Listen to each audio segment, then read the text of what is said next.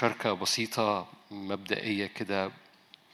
كنت شاعر قوي بس في معنى صغير وإحنا بنعبد الرب عشان كده طولت سنة وهعمل مشاركة قصيرة ونختم. كنت شاعر قوي باللي قاله الآب لولاده الاتنين في قصة المثل المشهور بتاع المشهور ابنه ابن الضال بس هما الابنين. ملخص اللي قاله الآب عمل الآب عمل حاجتين.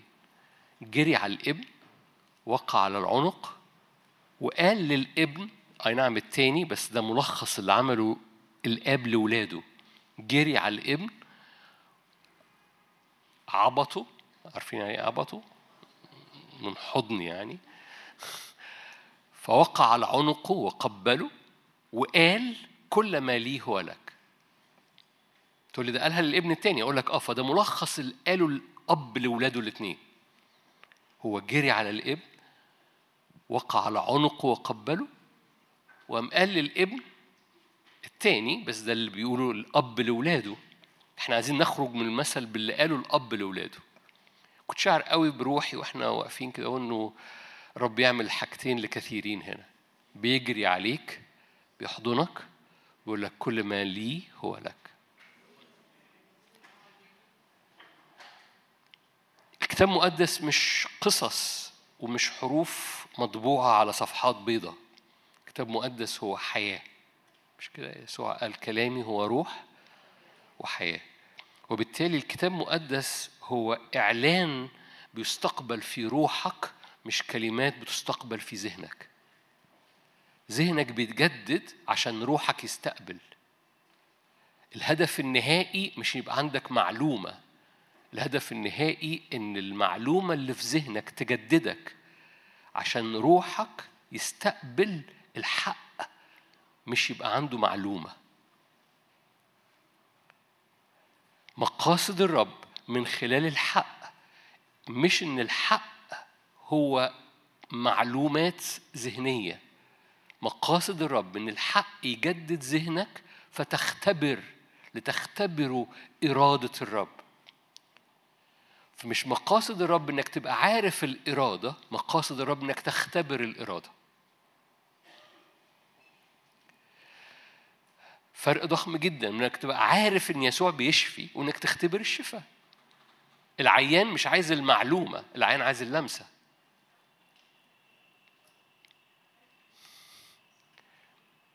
لو أنا عيان أنا مش عايزك تقول لي إنه بيشفي أنا عايزك عايز ألمس بالشفاء.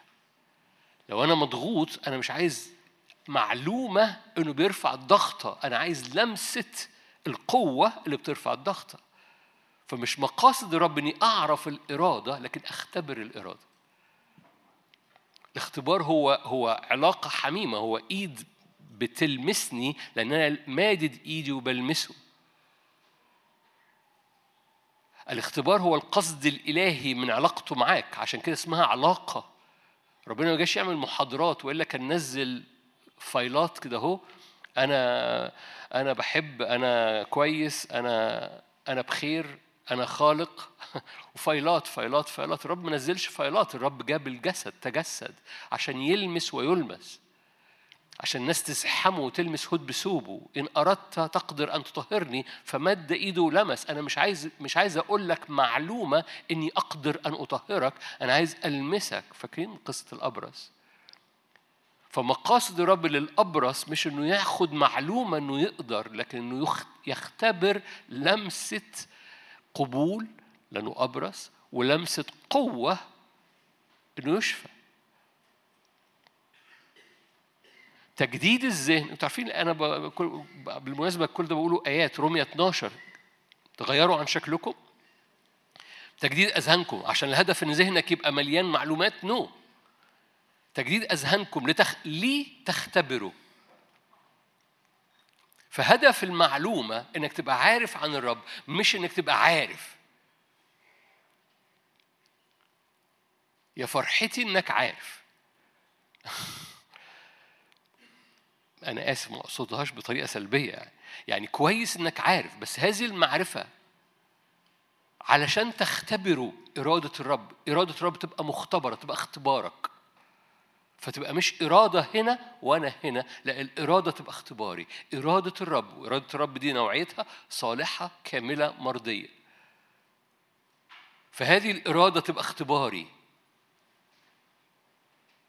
والمسافة ما بين المعلومة والاختبار هي المسافة الحقيقية في العلاقة ما بينك وبين الرب لأن كل اختبار بيشكل فيك شخصيتك. وكل معلومة هي بوتنشال هو إمكانية اختبار. وكل كذب الإبليس هو إجهاض للاختبار. كل كذب الإبليس بيفصلك عن الاختبار لو أنت مصدق هذا الكذب. لو أنت مصدق إن في مسافة لو مصدق إنه مش عايز لو أنت مصدق إنه ظروفك أصعب من اللمسة الإلهية أو من المراحم الإلهية أو من النعمة الإلهية فالكذب بيفصلك عن الاختبار. إنك تبقى عارف الحق ده مش الاختبار ده بوتنشال ده احتمالية ده إمكانية.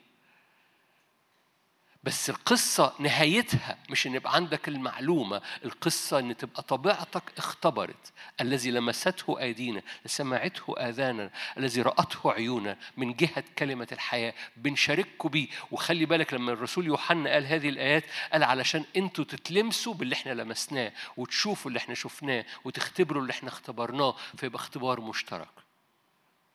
فمقاصد الرب طول الوقت اختبارات إلهية. زي الصحة؟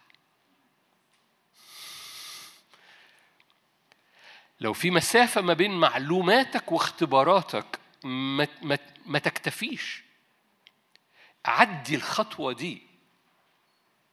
يسوع كان ماشي على المية دي معلومة يسوع بيمشي على المية. بطرس رفض. قال له لا لو أنت هو أنا أختبر.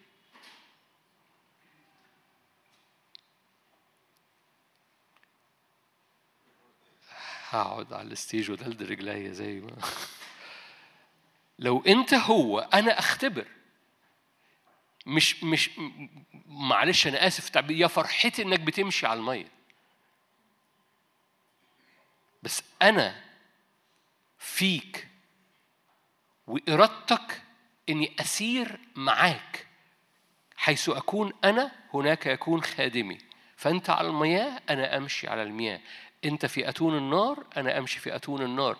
النار لن تلسعني المياه لن تغمرني لأن طول ما أنت معي عصاك وعكازك حتى في وادي ظل الموت.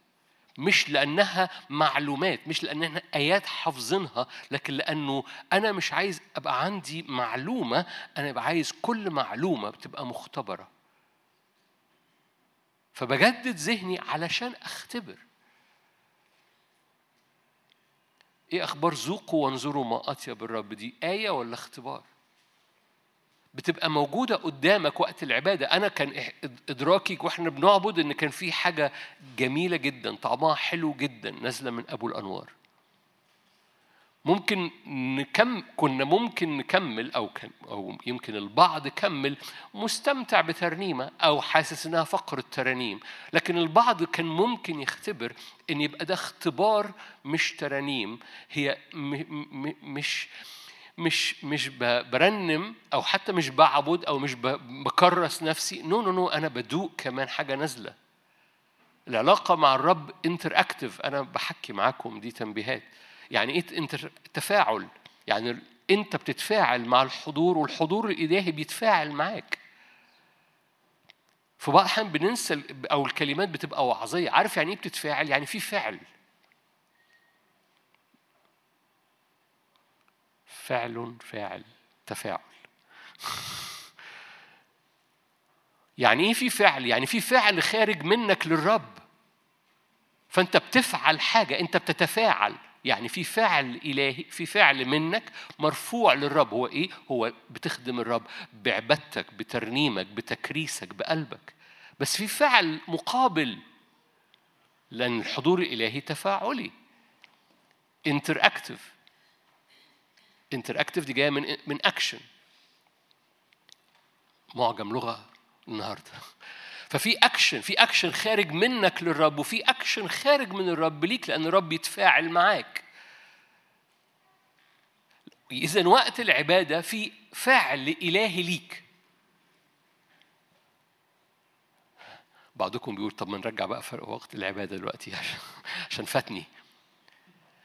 هو فاتك إزاي؟ هو فاتك أنت رنمت أنت بس فاتك إنك تتف... إنك تتفاعل وتستقبل الفعل الإلهي.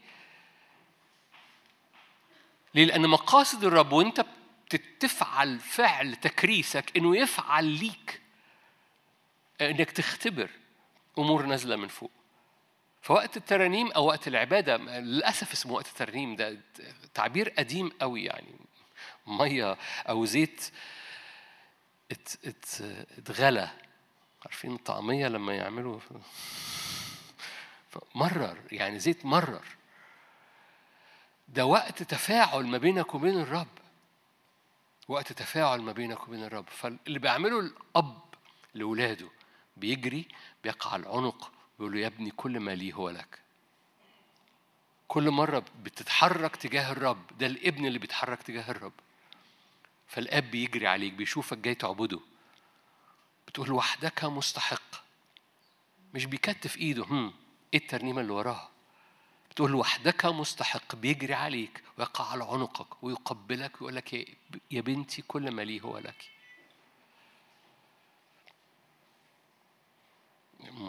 ممكن نخل...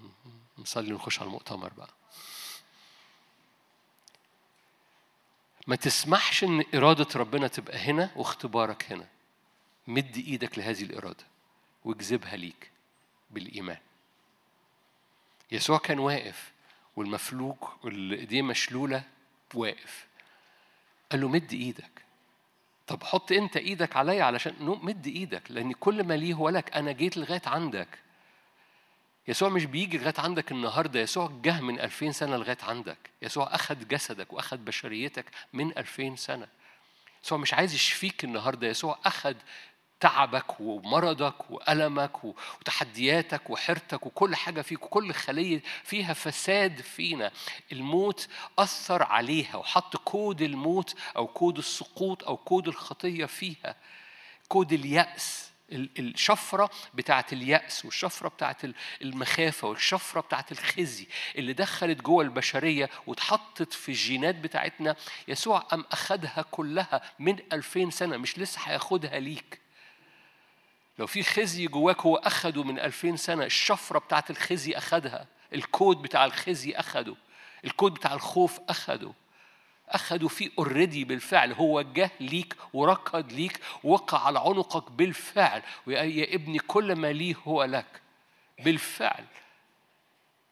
ده مش مشهد بحاول أقنعك بيه من المثل بتاع الابنين ده ده مشهد تجسد في المسيح يسوع لكل واحد واحدة فينا. مفيش لحظة بترفع قلبك ليه إلا وهو بيقوم بيجري عليك ويقوم محوطك من كل جهة وياخد بشريتك ويبتلع الفساد ويبتلع الموت ويبتلع السقوط ومناقل كل ده إلى حياة. ويا ابني كل ما ليه لأن هو حياة وحياة فوارة أو حياة أبدية أو حياة حياة كاملة. عشان اسمها الزوي. زوي يعني حياة الله حياة القيامة. يقوم واخد بالع كل ده ويطلق حياة الله فيك. يا ابني كل ما لي هو لك. كل مرة بنعبده ده ملخص المسيحية. هو بيفتدي كل فساد البشرية وخزي البشرية ومغير الكود لكود الله. فبيغير العيشة للحياة. لأن في فرق ما بينك عايش وإنك حي. في ناس عايشة بس في ناس بتحيا. حياة دي يعني قيامة.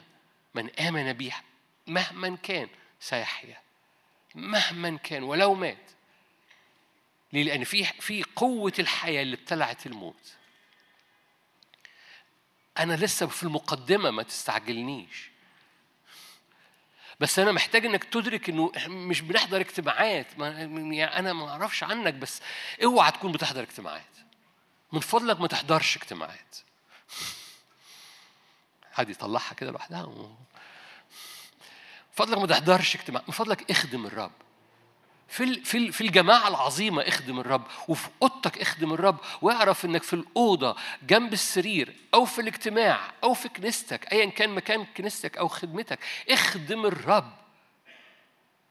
القصة تعودنا على شكل بس القصة هي قلب. عشان كده إلهنا نار أكلة نخدمه خدمة مرضية. الكتاب المقدس يقول بخشوع وتقوى. أنا أنا مش شايف سيستم أو شايف برنامج أيا كان كنيستك أو الاجتماع ده حتى.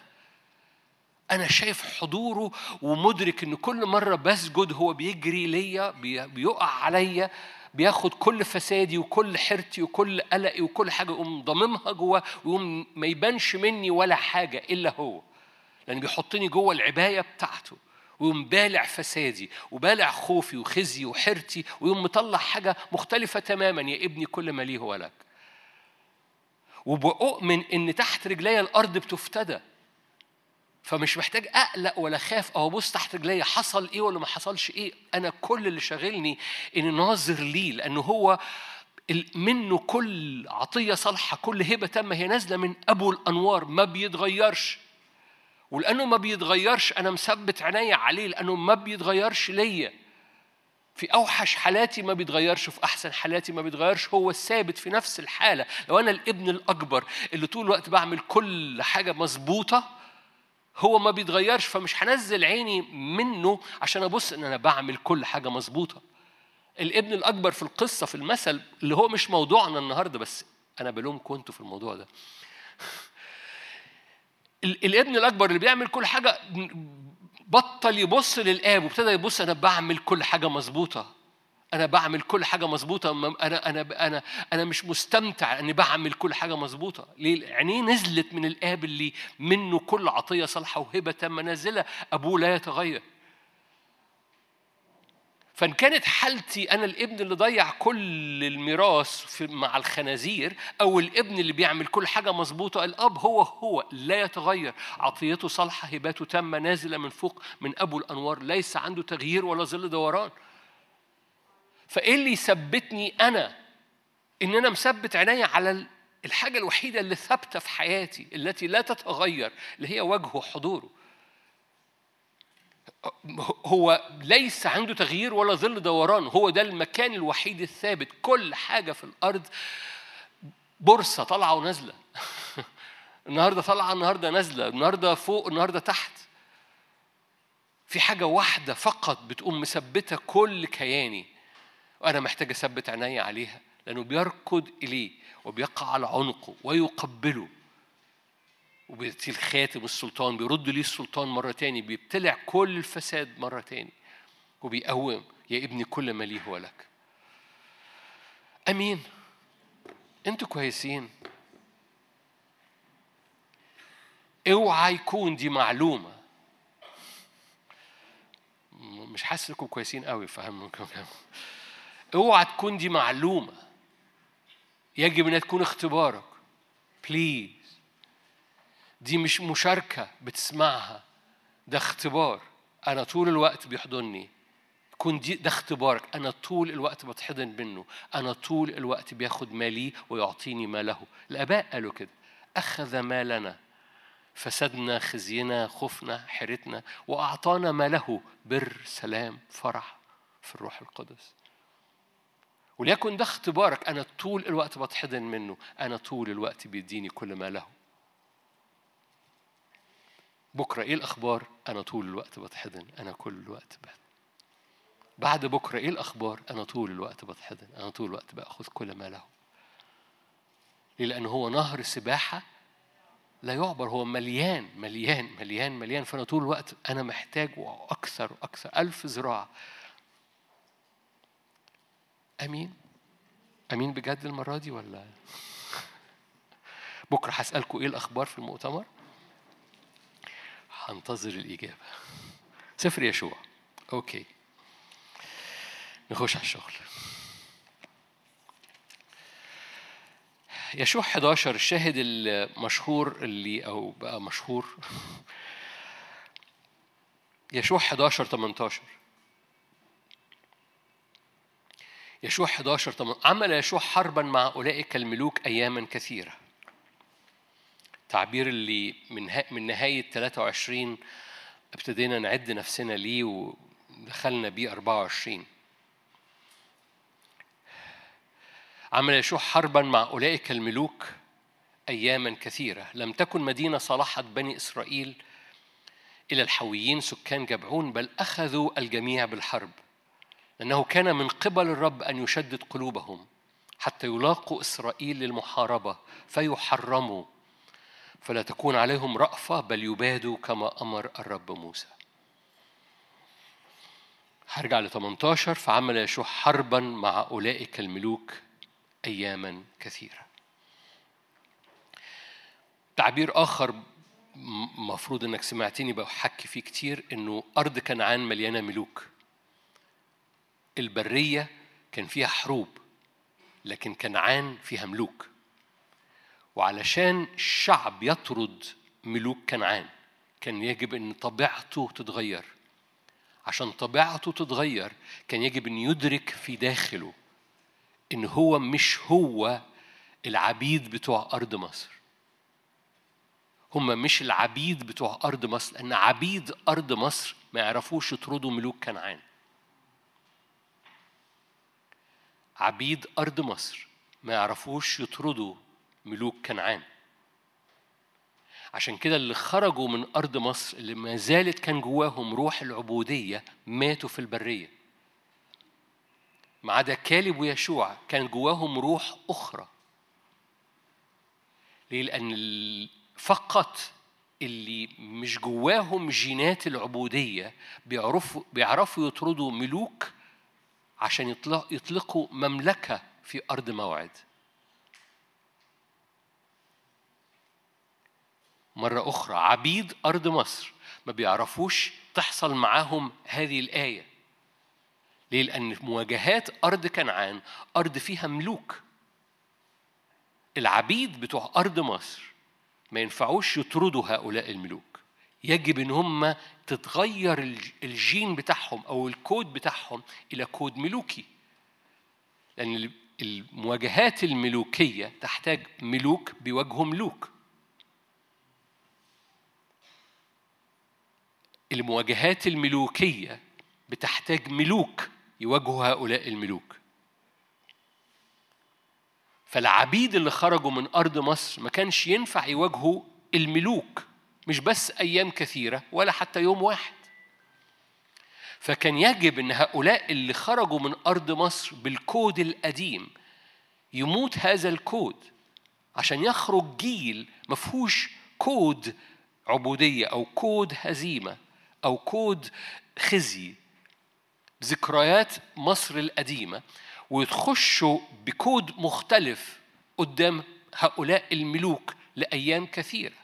علشان يمتلكوا الكل لم تكن مدينة صلحت والمدينة الوحيدة اللي صلحت دي كانت بخداع وعملت لهم مشاكل بعد كده. إذا مقاصد الرب إنه لأنه كان من قبل الرب أن يشدد قلوبهم للمحاربة فيحرموا كلهم. فمقاصد الرب أنك تحسم إلى الأبد مواجهات كثيرة مع ملوك. ده أرض الموعد. علشان شفاء ومسحة الشفاء تثبت. علشان حرية ومسحة الحرية تثبت. علشان خلاص لنفوس وأمم كثيرة تثبت. الرب يدور في كنيسته على جيل كود العبودية اتحرق وتغير الطبيعة بتاعت هذا الكود لأن النار هي الوحيدة اللي بتغير الطبيعة. هذا الكود بتاع العبودية اتحرق وطلع كود آخر. مليان قدرة على الوقوف قدام ملوك. فالعبيد اللي خرجوا من أرض مصر كان يجب أن يموتوا في البرية. عشان يطلع جيل آخر بكود مختلف ممكن الرب يطلع منه ملوك تقف رجليهم رسخة في قاع الأردن لأن عبور البحر الأحمر غير عبور الأردن. فالشعب اللي عبر البحر الأحمر عبر بدون عبر على حساب إيد موسى المرفوعة بالعصاية. لكن الشعب اللي عبر في الأردن عبر برجلين رسخة بكهنة شايلين تابوت العهد. ده كل ده كل ده تكنولوجيا ما كانتش شغالة في البحر الأحمر. البحر الأحمر ما كانش فيه كهنة شايلين تابوت العهد. حد مسيحي هنا؟ عارفين عبور البحر الأحمر؟ عارفين عبور الأردن؟ عبور البحر الأحمر موسى رفع إيديه بالعصاية البحر اتشق. عبور الأردن كهنة؟ ده تكنولوجيا غير. البحر الأحمر كهنة شايلين تابوت العهد ورجليهم رسخة في قاع الأردن. ده غير ده التكنولوجيا مختلفة. ليه؟ لأن عبور ده غير العبور ده لأن الدخول ده غير الدخول ده. فدخول أرض كنعان هو دخول قدام ملوك. من أجل امتلاكات كثيرة. بس رب يقوم مطلع طبيعة مختلفة من شعب مليانين من هؤلاء الكهنة الملوكيين اللي يقدروا يبقوا راسخين شايلين تابوت العهد وراسخين في قاع الأردن. عشان رب يقوم واخد من قاع أخدوا حاجة من قاع البحر الأحمر ونقلوها؟ بس في قاع الأردن في حاجة بتتحسم. أخذوا حجارة من قاع الأردن وخرجوا بيها وحطوها عمود تذكارا في أرض كنعان. ليه؟ ده حسم ده ده بعد ملوكي ده بي بي بينشئوا نصب وشهادة إن الموضوع اتحسم. الرب ما خرجناش من أرض مصر عشان نلف البرية الرب خرجنا من أرض مصر عشان نخش أرض تفيض لبن وعسل. والأرض تفيض لبن وعسل دي مش السماء لأن الأرض كنعان كان فيها حروب وملوك. اذا هي نوعية حياة في الأرض مليانة مواجهات. بس هذه المواجهات دي بحسب قلب الرب. هذه المواجهات. بس هذه المواجهات منتظرة الملك فيكي وفيك علشان لأيام كثيرة تخش في مواجهات كثيرة مع ملوك كثيرة وتاخد امتلاكات كثيرة.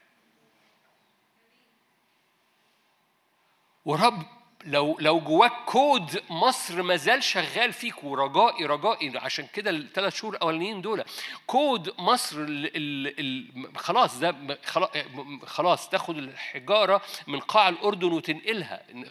enough ليه؟ لأن زي ما اتفقنا أنا شارك مش عارف لمحت لكم عن الثلاث شهور اللي جايين ولا لأ؟ لم لمحت. بس يا رب سامحهم اغفر لهم لأنهم لا يدرون ماذا يفعلون. آه لمحت يمكن في اجتماع السبت. خلاص في اجتماع السبت؟ لمحت في اجتماع السبت. أوكي خلاص. مغفورة لكم خطاياكم بس بتوع السبت اللي في البيت ما يعني. أوكي.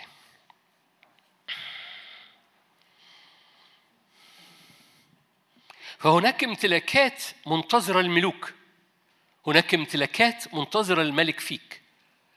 وهذه الامتلاكات هي في قصد الرب وهذه الامتلاكات مش امتلاكات عادية زي زمان زي امتلاكات البرية امتلاكات الحياة الروحية السابقة. لأنه هذه الامتلاكات مربوطة بأمم مربوطة بحالة هنحكي شوية عليها النهاردة لأنه إحنا بن بن بن هذه السلسلة من صناعة الملوك اللي إحنا ابتدينا فيها من أول يناير بنختمها بالمؤتمر لأن المؤتمر ده نقطة وهنتنقل في في اجتماع الأربع من صناعة الملوك لأن اجتماع الأربع لو أنت مش واخد بالك كنا ماشيين في حاجة اسمها صناعة الملوك.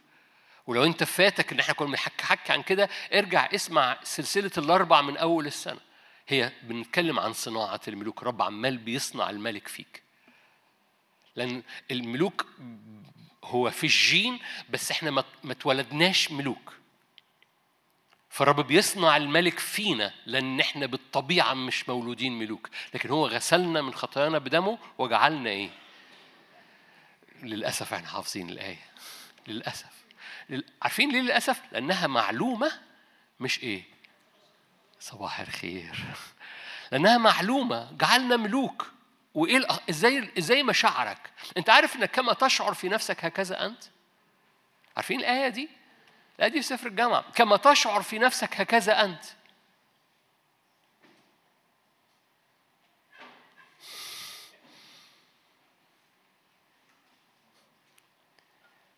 كما تشعر في نفسك هكذا أنت. وخلي بالك القصة مش بس شعور. أنا ما يطلع واحد نرجسي مثلا يقول لك أنا مالك. طبعا أنا يا أرض تهدي ما عليكي أدي القصة مش إنك بت بتقول كلام أو دماغك عالية.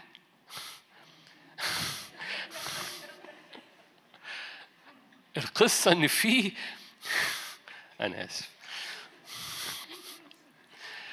القصة إن في هوية داخلية. القصة إن في صورة بحسب تصورات قلبك. القصة إن في إدراك داخلي. كما تشعر في نفسك يعني في إدراك داخلي للهوية. لأن ياما ناس بتقول كلام من بره أنا مش عارف إيه وهو وهو من جوه. القصة هو في صورة داخلية. والصورة الداخلية دي جاية من وجودك قدام هذه الصورة الحقيقية والصورة الحقيقية الوحيدة ليك هي في وجه الآب. فهذه الصورة الداخلية ملهاش ملهاش أصل غير الأصل. أي صورة مش في الأصل هي صورة مشوهة والصورة الأصلية بتاعتك هي في وجه الابن لأن في وجه الابن أنت ابن. وهذه الصورة بتنطبع جواك وأنت أمام الآب. يعني قدام الآب الابن بيقف. ودي المشاركة بتاعت الأسبوع اللي فات مش عايز أخش فيها. وبالتالي ببساطة هذا المكان في الصورة الأصلية بتاعتك اللي منها أنت وأنا بنبقى ملوك. لأن بحسب الصورة الداخلية بتاعتك كما تشعر في نفسك مش مشاعر أو أفكار كلام نو. بحسب الصورة الداخلية بتاعت هويتك هكذا أنت. بس ده مربوط بالملوك لأنك مش هتعرف تخش في الأزمنة وتمتلك أمور هامة مقاصد رب إنك تمتلكها لأن الملوك قاعدين في كنعان. الملوك المضادين قاعدين في كنعان.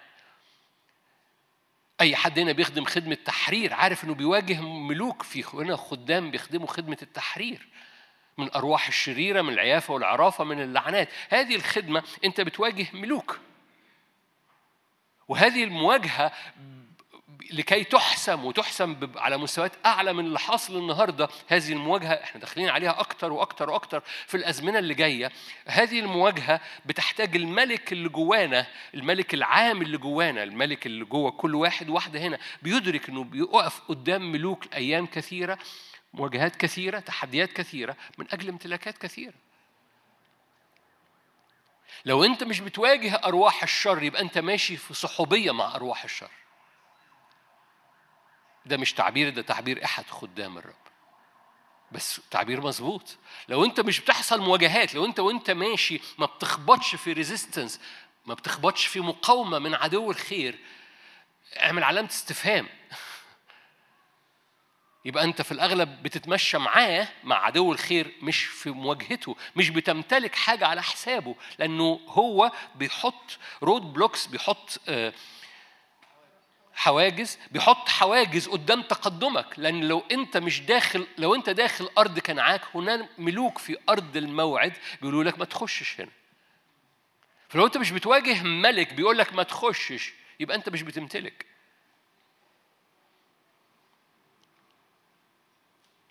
ولأنك بتواجه مقاومة من عدو الخير بتعرف إنك شغال صح.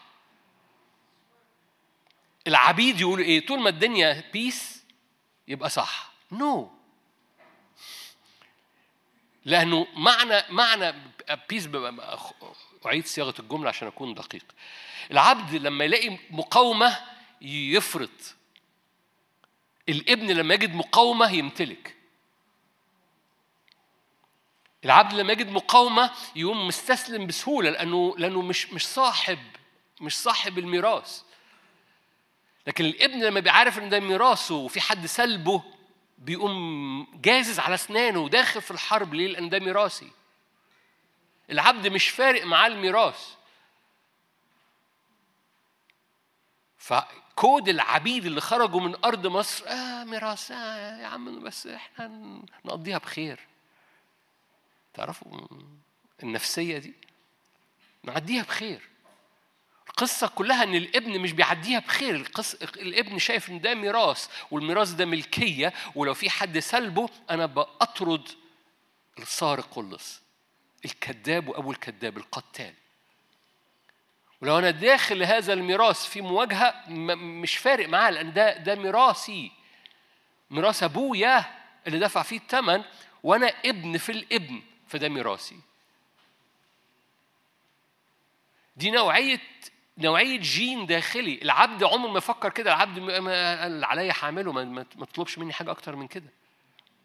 الابن بيقول ده ده بيتي وبيت أبويا. فالملوك الكثيرة الأيام كثيرة مقاصد الرب إنه يحرمهم يحسم هذه المعركة عشان ياخد الحجر من قاع الأردن ومن نقله ويعمل نصب في أرض تفيض لبن وعسل أرض امتلاك على حساب ملوك. فرب يطلع الملك عشان كده غسلنا من خطايانا وجعلنا ملوك وكهنة لأن الملوك دول بيقفوا بيشعروا في نفسهم بيشعروا في نفسهم باخد التعبير من آية جامعة بس هم شايفين المشهد شايفين المهابة مش بي مش متد... okay مش متدينين لكن لما بيقفوا قدام الرب بيخدموه في الأوضة أو في في وسط الجماعة العظيمة بيخدموه هم شايفين هم في البلاط الملكي ملوك. من فضلك محتاج تدرك إن بحسب رؤيتك أنت بتعمل إيه هو اللي خارج قوة اللي خارج منك. لو أنت بتيجي هدي مثال كاجتماع بس أنا بطبق ده على على أوضتك وعلى أوضتي. كم حد هنا بيصلي في الأوضة؟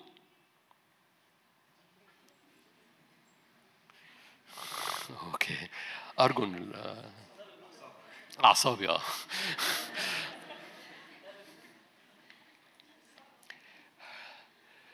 ما أعرفش بتعمل إيه وانت بتصلي في اوضتك. ما أعرفش ما أعرفش تبقى شايف إيه وانت بتصلي في اوضتك. بس من فضلك انت محتاج تدرك حاجة واحدة. زي ما بتصلي في كنيستك أو في اجتماعك انت بتصلي في اوضتك هو في نفس المكان لو جاز المكان الروحي. إيه هو المكان الروحي؟ انك واقف وجها لوجه سماء مفتوحة بتخدم الرب. وفي هيكل محيط بيك هو هيكل حضوره لأنك أنت الهيكل وبتخدمه قدام الرب قدام هيكل الرب اللي في السماء. فأنت واقف في مكان مقدس ورب يقول لك اخلع عليك. واقف بتخدم الرب ليه؟ لأن قدام الملك ده ملوك بيقفوا مغسولين بدم الحمل. هذا المشهد هو مش مشهد تخيلي هو مشهد حقيقة في الكتاب المقدس بيقول لك جدد ذهنك تغيروا عن شكلكم تجديد أذهانكم عشان إيه؟ لتختبروا. تختبروا إنك قدام الرب في الهيكل في أوضتك. فأنا مش بس بقول لك بقى في الاجتماع إحنا بنرنم أنت محتاج إنك ترى هذا المشهد. ده ده ده ال life style بتاعتك ده اللي حاصل في العربية بس كمان مش في الأوضة. بس خلينا خلينا في الأوضة عشان في العربية يمكن أنت سايق. انت محتاج انك ترى هذا المشهد وترفع إيدك قدام الرب وتعرف انت بتخدم الرب في اوضتك. لأن كما ترى في نفسك كما هو المشهد في داخلك هكذا القوة اللي خارجة منك. السؤال اللي جاي ما ترفعش إيدك. كم مرة صليت في الأوضة وحسيت إنه كان عادي؟ ما ترفعش إيدك. كم مرة صليت في الأوضة وحسيت إني قضيت عملت اللي عليا وخدت خلوتي؟ تفتكر ده قصد الرب لوقتك معاه؟ تفتكر في حد ويسوع على الأرض راح قعد معاه عادي وخلصت القعدة عادي؟ ولا كان في حاجة بتحصل؟ مقاصد الرب إن كل مرة بتقعد معاه كل مرة بترفع إيدك في في مشهد بيحصل في إدراك داخلي بيحصل وفي تغير بيحصل إنه بيجري عليك وبيقع على عنقك ويقول لك يا كل مرة يا ابني كل ما ليه هو لك أنت الهيكل بتاعي أنت مكان استثماراتي على الأرض. ولما بترى هذا المشهد بتقف في مكان مختلف عن عقلية العبد اللي عمره ما هياخذ امتلاكات. أول ما بيلاقي مواجهة آه لكن اللي بيقف في هذا المكان وبيدرك إنه في اوضته رافع إيده مدرك هو واقف فين لما تحصل مقاومة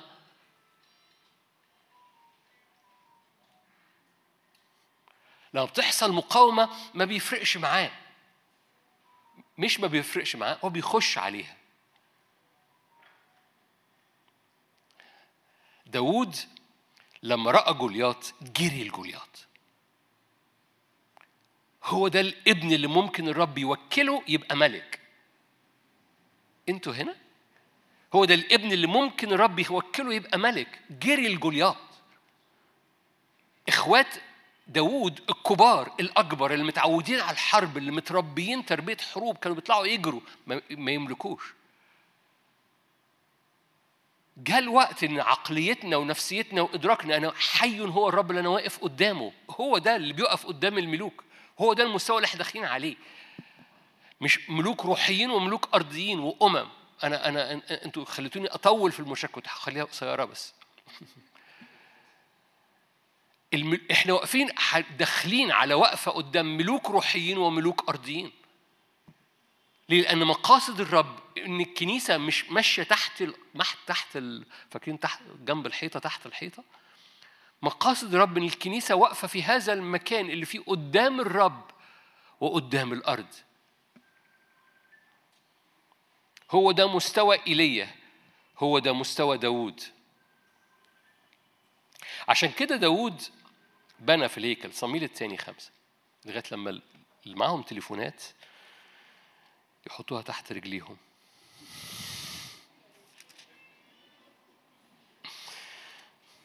صميل الثاني خمسة. صميل الثاني خمسة داوود مسح ملك.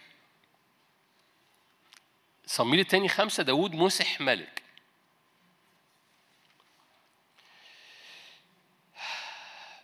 داود مسح ملك كذا مرة.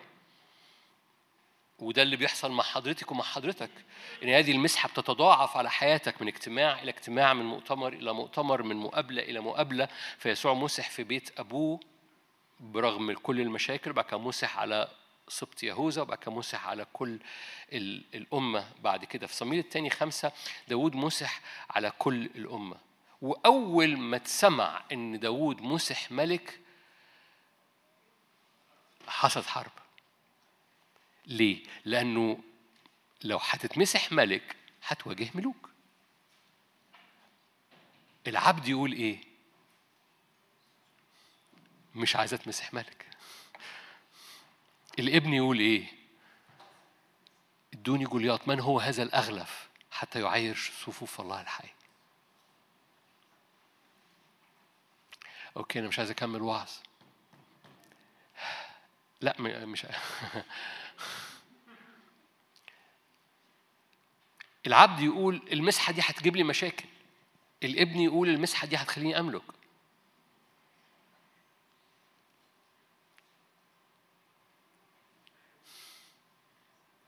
سلام. المسحة بتجتذب مواجهات. ليه؟ لأن المسحة لو لم تجتذب مواجهات يبقى مش مسحة امتلاك. لأن الامتلاك على حساب ملوك. والرب عمره ما هيخليك تواجه ملوك إلا ما يمسحك أنت مسحة أقوى من الملوك اللي أنت هتواجههم. بس أقف في مكانك. أول ما مسح داوود ملكا سمعوا الأعداء أنه أنه آية 17 سمع الفلسطينيون أنهم قد مسحوا داوود ملكا على إسرائيل فصعد. جميع الفلسطينيين ليفتشوا على داوود. لما سمع داود نزل إلى الحصن جاء الفلسطينيون وانتشروا في وادي الرفائيين. كلكم عارفين الرفائيين من سنين طويلة. عرفتكم على الرفائيين. فين ده الشعب اللي ساكن تحت الأرض من أشباح من مليان موت مليان مرض. واللي الوادي مليان موت فقاموا اجتمعوا في وادي الموت عشان يحاربوه. ده مش ألذ مكان للحرب لأنه ما كانوش بيحارب بس أعداء على مستوى الجسد ده كان بيحارب أعداء روحيين خارجين من تحت الأرض. ده وادي الرفائيين. الرفائيين شعب يسكن تحت الأرض. شعب أرواح ظلال.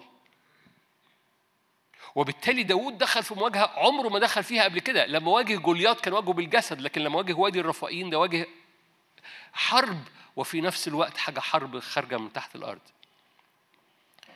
فانتشروا في وادي الرفائيين وسأل داود من الرب أصعد أتدفعهم ليدي؟ قال الرب لداود اصعد. لأن دفعا أدفعهم ليدك. أنا الله أصعد. ليه؟ لأنه في مسحة ملوكية في امتلاك. عمل إيه داود؟ أنا أنا هنط معاك مش مش هركز في القصة دي ده صح خمسة صح ستة حصل إيه؟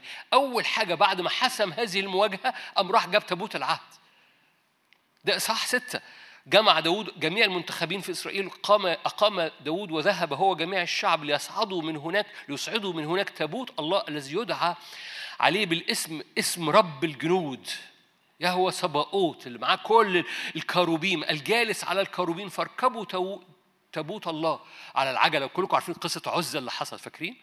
لما الثيران انشمصت عزة سند تابوت العهد. صح سبعة. داود جاب تابوت العهد بقى خلاص عرف القصة وجاب تابوت العهد خلاص. فسكن في بيته وقال أنا عايز أبني بيت للرب. ليه؟ لأنه الملوك بيدركوا إن الاستراتيجية بتاعت الحضور الإلهي وهيكلة الحضور الإلهي هي أهم حاجة للملك. بحسب قوة الكهنوت الملوكي قوة الملك اللي خارجة في المواجهات اللي جاية. بحسب قوة كهنوتك الملوكي قوة انتصارك على الملوك في أرض الموعد. بحسب قوة إدراكك أنت واقف بتخدم الرب بكهنوت ملوكي قدام الرب. بحسب قوة الاختبار ده مش بس الإعلان أو مش بس المعلومة الإعلان الاختباري جواك. بحسب قوة كهنوتك الملوكي في الهيكل قوة انتصارك على الملوك في أرض الموعد. أرض الموعد هو أرض الوعود اللي دعاك الرب أن تخش وتمتلكها كميراث. من حرية من شفاء من فرح من استخدام من وقوف قدام ملوك روحيين وملوك أرضيين. من تأثير وسلطان بيمتد. هنحكي حبة حاجات بسرعة. أنا فبحسب قوة كهنوتك الملوكي في الهيكلة دي داود أدرك أنا أنا أول ما اتمسحت ملك حصلت المواجهة لأن الملوك دايما أول ما العدو بيسمع إنك بتدرك إنك ملك بيجي عشان يطف يطفي مش يطفي يدلق مية باردة على النار دي. فيقوم إيه آه أنت ملك؟ ما نصدق إيه؟ يا ياما ياما ياما كان في موسم والرب دعاك إنك تكون ملك وصدقت إنك ملك. وأما العدو قام دلق مية باردة. وأنت سمحت إن تطش. ده مش عربي قوي بس. سمحت إن النار تطفي بالمية الباردة دي. و... يبقى أكيد ما حصلش حاجة. دول اجتمعوا في وادي رفائيين لأن داوود اتمسح ملك. أصعد اصعد أدفعهم ليدك. وبعديها وراها قالوا بص هتسمع أصوات خطوات الملائكة على أشجار البكا اصعد أنا صاعد قدامك. وراها طوالي. عايز أجيب تابوت العهد. حضور الرب. وراها طوالي. ده خمسة صح ستة؟ تابوت العهد. صح سبعة؟ أبني هيكل ليه؟ لأن بحسب قوة الكهنوت الملوكي وقفتي والهيكلة بتاعت هذا الحضور الإلهي بحسب قوة الكهنوت الملوكي في حياتي قوة الامتلاك قدام الملوك اللي أنا بواجههم. الملك الآخر المشهور يعني كل الملوك كان ليهم علاقة بالهيكل. طول ما الملوك في العهد القديم كان ليهم علاقة بالهيكل هؤلاء الملوك كانوا بينتصروا. حزقية تعالوا نبص على اثنين أخبار أخبار الأيام الثاني أنتوا هنا؟ أنا أنا أنا بحط حبة شغل سريع. أخبار الأيام الثاني 29 مش هطول أنا هلخص حبة حاجات كتيرة. حزقية ملك ملك. فاكر حزقية الملك عمل نهضة؟ حد مسيحي هنا؟ حزقية الملك ده مشهور عمل نهضة. للي ما يعرفش. أول عمل أول حاجة عملها. هو في السنة الأولى من ملكه آية ثلاثة صح 29 آية ثلاثة هو في السنة الأولى من ملكه في الشهر الأول يعني واحد يناير في سنة واحد من ملكه. فتح أبواب بيت الرب ورممها. ليه؟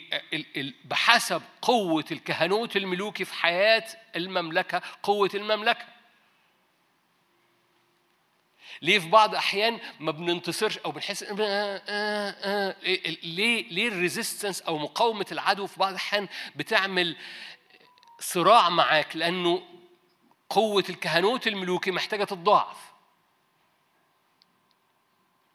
ويقول لك دي كانت مقاصد الرب إن هم يواجهوا يشوع اياما كثيرة لأن كان مقاصد الرب إنه يشوع يقوى ويقوى ويقوى لغاية لما يحرم كل هؤلاء الملوك من أرض كنعان. فمقاصد الرب إنك تقوى وتقوى وتقوى عشان تحرم كل أمراض لسه بتصيبك أو بتصيب عيلتك أو بتصيب الناس اللي أنت بتصلي من أجلهم. فأتاري مقاومة المرض عشان أنت تقوى في كهنوتك الملوكي لطرد روح المرض مش بس من عليك ولا من على أسرتك لكن على كل أشخاص بتصلي من أجلهم. مقاومة أرواح الشر مقاومة العيافة والعرافة مقاومة الأبواب المقفولة مقاومة ال ال ال أبواب الأمم. يقول لك كل دي كان مقاصد رب إنه يحرمها يعني إيه؟ يحسم هذه المقاومة. فكان بيحاربوا يشوع أيام كثير عشان يشوع يقوى في كهنوته الملوكي أو في انتصار الملك جواهم لغاية لما ياخدوا كل الأرض. فحسقية أدرك في اليوم الأول في الشهر الأول من ملكه الأولى أنه لازم يفتح الباب يفتح هذه الهيكلة الملوكية علشان كل ما كان الملك على علاقة مع الهيكل المملكة كانت بتبقى قوية. فحسقية كان مملكة قوية جدا. ليه؟ لكن هذا الملك له علاقة بالهيكل. فاكرين سليمان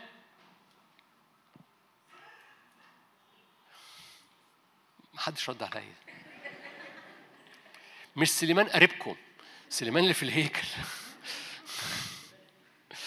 ابن بلدك؟ طيب. اللي بنى الهيكل. طيب. سليمان في كتاب مقدس أوكي؟ أنا في مرة هاخد لكم صورة وإحنا في صورة.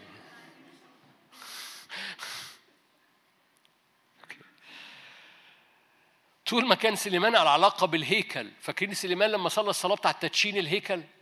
صح مشهور جدا في الملوك الأول ثمانية صلى صلاة من أطول يمكن من أطول الصلوات الموجودة في كتاب مقدس لو شعبك عمل كده ورفع عينيهم إلى هذا إلى هذا البيت فاسمع أنت من السماء وأنظر وافتقد الأرض افتدي أرضهم اغفر خطيتهم ارفع اللعنة من عليهم رد العدو إلى الوراء ارفع صلوة من أشهر الصلوات ليه؟ لأن سليمان مدشن الهيكل ويقول لك لما انتهى سليمان من الصلاة نزلت نار من السماء مجد الرب ملا الهيكل لم يستطع الكهنة أن يقفوا طول ما سليمان كان على علاقة مع الكهنوت الملوكي بتاعه المملكة كانت قوية في ملوك الأول 11 يقول لك فاكرين لما نساء أملنا قلبه؟ فزاغ ابتدى يذبح لعشتروث فالعلاقة مع الهيكل اتكسرت وبقى بيقدم في حتة تانية. الكهنوت الملوكي بتاعك okay قوة الملكوت فيك مربوطة بكهنوتك الملوكي. لو أنت محتاج انتصارات على ملوك بيقاوموك. زود نار الكهنوت الملوكي بتاعك. ادركها. تقول إزاي؟ ادركها شوفها استخدمها مارسها. عيش عيشها في الأوضة وفي الاجتماعات بتاعتك. عيش الوقفة دي قدام الرب. طير كود العبد بنار حضور الرب. ووقف قدام الرب في أوضتك أو في الاجتماع. وادرك أنت واقف قدام مين. ادرك إن من يفصلك. وقف. مش سامح بالمسافة. مش سامح إن يبقى عندك معلومة مش مختبرة. عدي هذا الحجاب اتشق. فتقدر تمد إيدك جوه الحضور الإلهي وتمسك جمرات النار وتجتذبها لحياتك تبقى مختبرة. لا تسمح إن كهنوتك الملوكي كل لو لو كهنوتك الملوكي في حالة هزال مملكتك في حالة هزال. كهنوتك الملوكي ده بيحصل في الأوضة.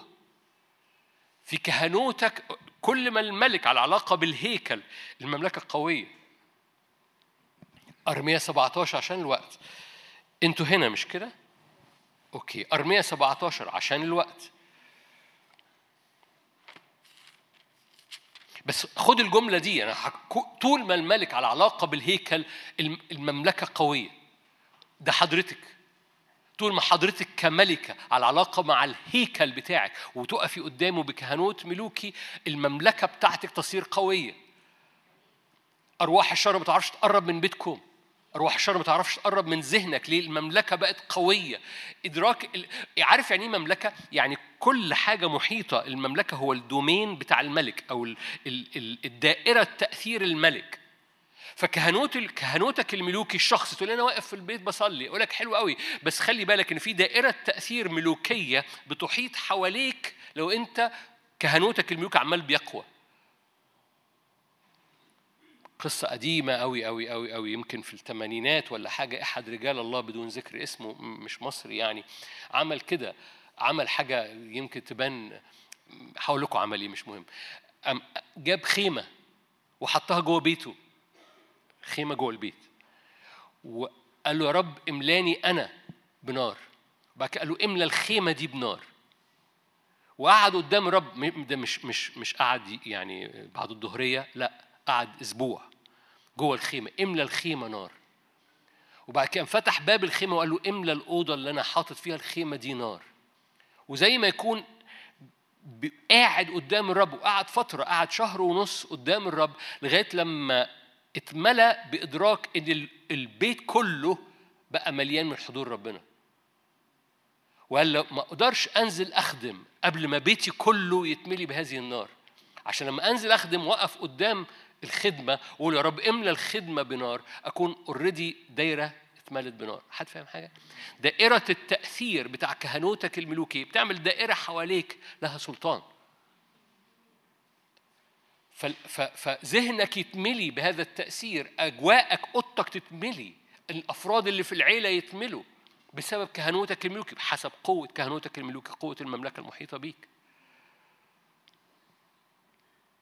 أرمية 17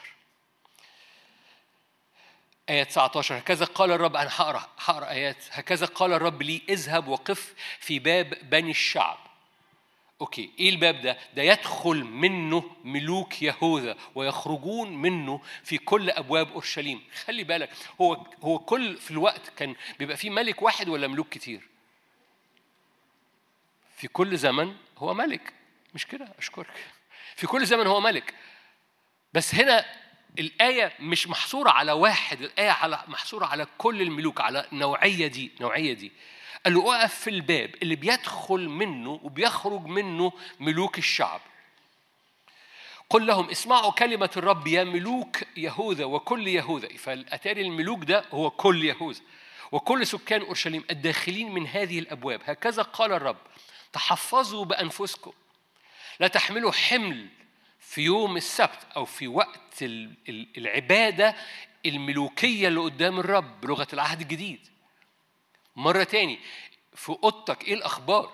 بتعرف تقف في أوضة وترى إن السماء مفتوحة فوقيك وبتقدم وإنك مش بتاخد خلوتك أنت بتخدم الرب بسجود بإيدين مرفوعة. هوريك المشهد بعد دقايق أو هقول لك المشهد اللي في العهد الجديد مش عهد قديم بعد دقايق اللي أنت المفروض تقف فيه كل يوم. وخليني أقول لك معلش هحط لك صورة وأقول لك اعمل الصورة دي. برغم إن دي مش عادتي. إن أقول لك هي كده. مش عادتي بس بسيبك انت تستقبل. بس النهارده هقول لك. هكذا قال الرب تحفظوا بأنفسكم لا تحملوا حمل يوم السبت ولا تدخلوا في أبواب أورشليم. يعني ما تدخلش الآن في هذا المكان المقدس. لا تخرجوا حملا من بيوتكم يوم السبت لا تعملوا شغلا ما بل قدسوا هذا الوقت كما أمرت ابائكم آية 23 يقول لك فلم يسمعوا. آية 24 يكون إذا سمعتم لي سمعا. يقول الرب كلكم عارفين بحب الإصحاح ده. إذا سمعتم لي سمعا يقول الرب ولم تدخلوا حملا في أبواب هذه المدينة يوم السبت بل قدستم يوم السبت ولم تعملوا في شغل. لو أنت متلخبط أول مرة تسمعني بتكلم على يوم السبت يوم السبت في العهد الجديد هو الراحة اللي في المسيح يسوع. اقرأ عبرانيين أربعة هو السبت.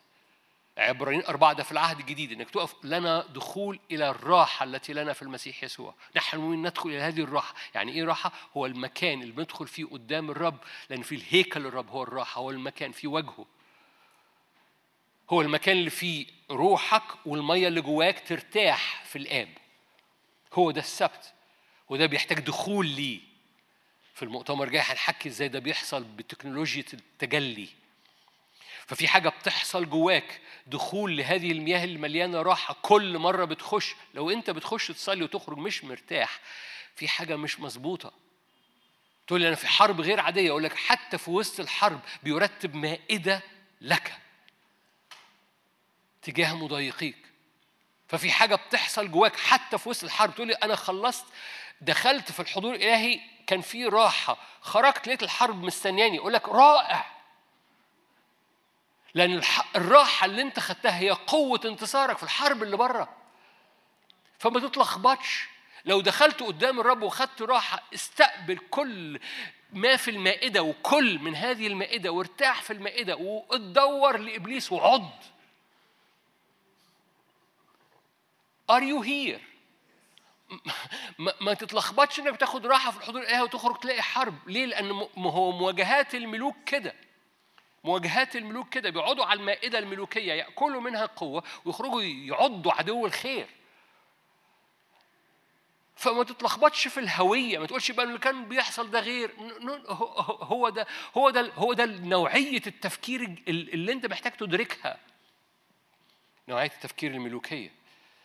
فقال بص إذا سمعتم لي سمعا ولم تدخلوا حملا في أبواب هذه المدينة يوم السبت قدستم يوم السبت. أنه يدخل لو عملتوا كده يدخل في أبواب هذه المدينة ملوك ورؤساء جالسون على كرسي داوود. يعني ده الباب اللي بيعدي منه الملوك. فوقف فيه النبي علشان يقول بصوا لو أنتوا احتفظتوا بالسبت لو انت احتفظت بالكهنوت الملوكي بتاعتك كل حاجة حواليك في أبواب مدينتك مليانة ملوك ورؤساء جالسون على كرسي داود. يعني السلطان بتاع يسوع المسيح. راكبون على مركبات ده القوة. وعلى خيل هم ورؤسائهم رجال يهوذا وسكان تسكن هذه المدينة إلى الأبد. مدينة حياتك مدينة بيتك مدينة ذهنك مدينة قلبك مدينة خدمتك. في حاجة بتحصل في المدينة. لو أنت احتفظت بالكهنوت الملوكي بتاعك قوي. طول ما الملك على علاقة بالهيكل المملكة قوية. طول ما الملك على علاقة بالهيكل المملكة قوية. يا رب تنور. طول ما حضرتك كملكة على علاقة بالهيكل والهيكلة الروحية بتاعتك المملكة بتاعتك قوية مملكة بيتك قوية.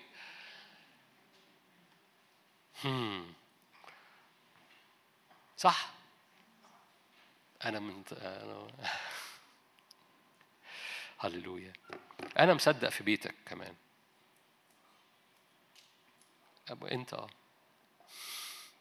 مصدق في بيتكم جدا واستخدام الرب ليكم جدا.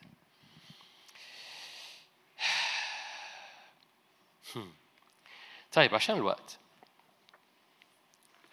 تكوين 14 في شخصية أنا بحبها أنتوا كلكم عارفين أنا بحبها بقالي شوية ما اتكلمش عليها هرجع أتكلم عليها تكوين 14 هذا الشاهد المشهور أو المشهور أو اللي أنا بحبه أو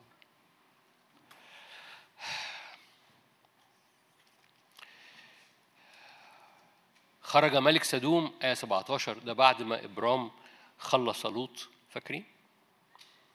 خرج ملك سدوم آية 17 لاستقباله بعد رجوعه من كثرة كدر العمر والملوك الذين معه إلى عمق شوى الذي هو عمق الملك. هذا مكان اسمه عمق الملك.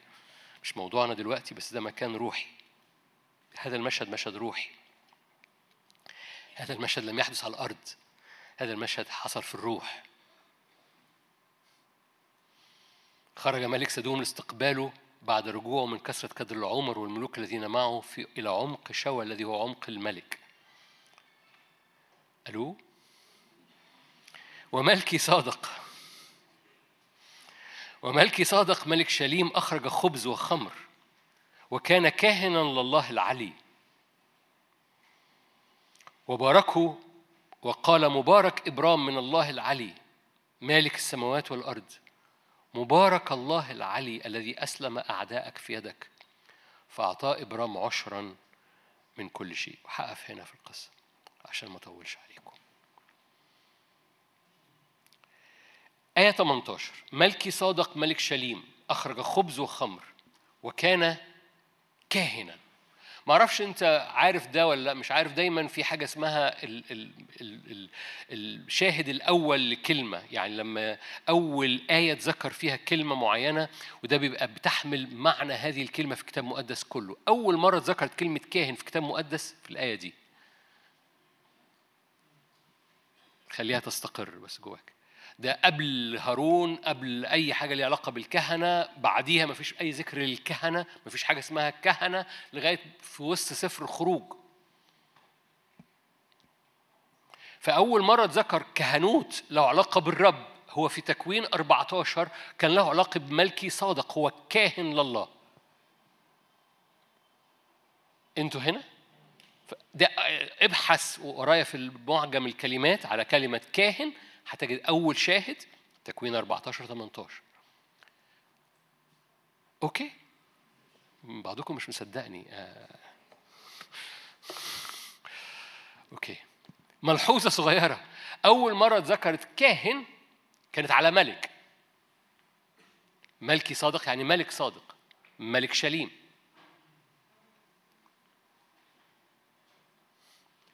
من أول لحظة هناك علاقة ما بين الكهنوت والملوكية.